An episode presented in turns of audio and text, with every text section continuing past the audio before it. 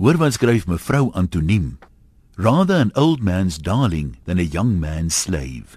So sê 'n vrou nou die aand op 'n geselligheid, toe dit blyk dat haar man aansienlik ouer as sy is. Aan die oorgretige manier waarop sy dit sê, kon ek agterkom sy moes haarself al dikwels met hierdie sinnetjie verdedig. Maar hoekom?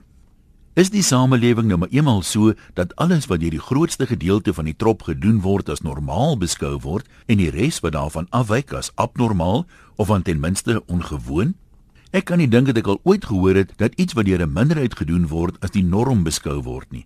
Selfs al praat ons hier van iets basies soos eerlikheid. Die oortreding sal eerder verdedig word met, maar almal doen dit tog. Hoekom moet iets so persoonlik soos met wie jy trou in elk geval teenoor enige iemand regverdig word? Dis mos jou lewe en dit het geen invloed op iemand anders nie.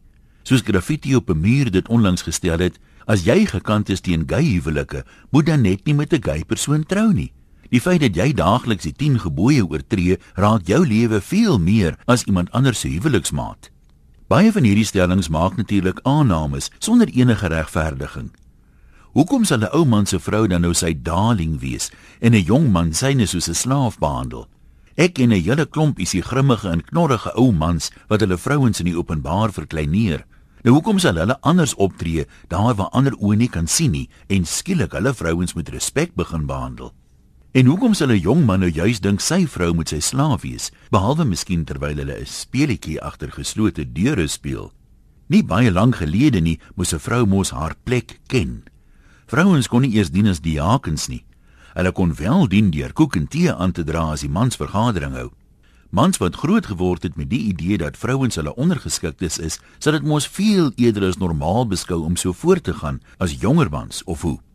Kyk maar na funksies waar mense in 'n ry moet staan om op te skep.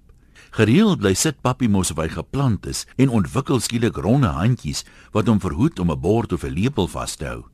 Gelukkig kan hy darm net net nog die glas met sy drankie vashou. Nou moet hierdie man se darlings met moeite twee borde vashou en opskep met die twee hande wat hulle het. Die spul ou man se onbedagsaamheid steek my dwars in die krop, maar hulle kom dit nie eers agter nie. Dis mos normaal. Kyk 'n bietjie volgende keer hoe min jong mans verwag dit van hulle vrouens. Eintlik wemel die lewe van sulke opmerkings wat gereeld gemaak word. Almal glo dit later sonder om dit ooit te bevraagteken. Ek dink die mense wat vorendag gekom het met sarcasm is the lowest form of wit kon net nie aan 'n gepaste comeback line dink nie. As hy dan reg was, vra jouself hoekom daar jare na sy dood nog gepraat word van Winston Churchill se intellek. Daar's alselfs boeke oor sy vlamskerp sarkasme geskryf. Maar voor jy nou op loop sit, ek vra nie dat jy jou enigsins steur aan dit wat ek hier kwytraak nie. Eintlik wou ek net sê, ons gee gans te veel aandag aan wat die mense sê. Groete van oor tot oor, Antoniem.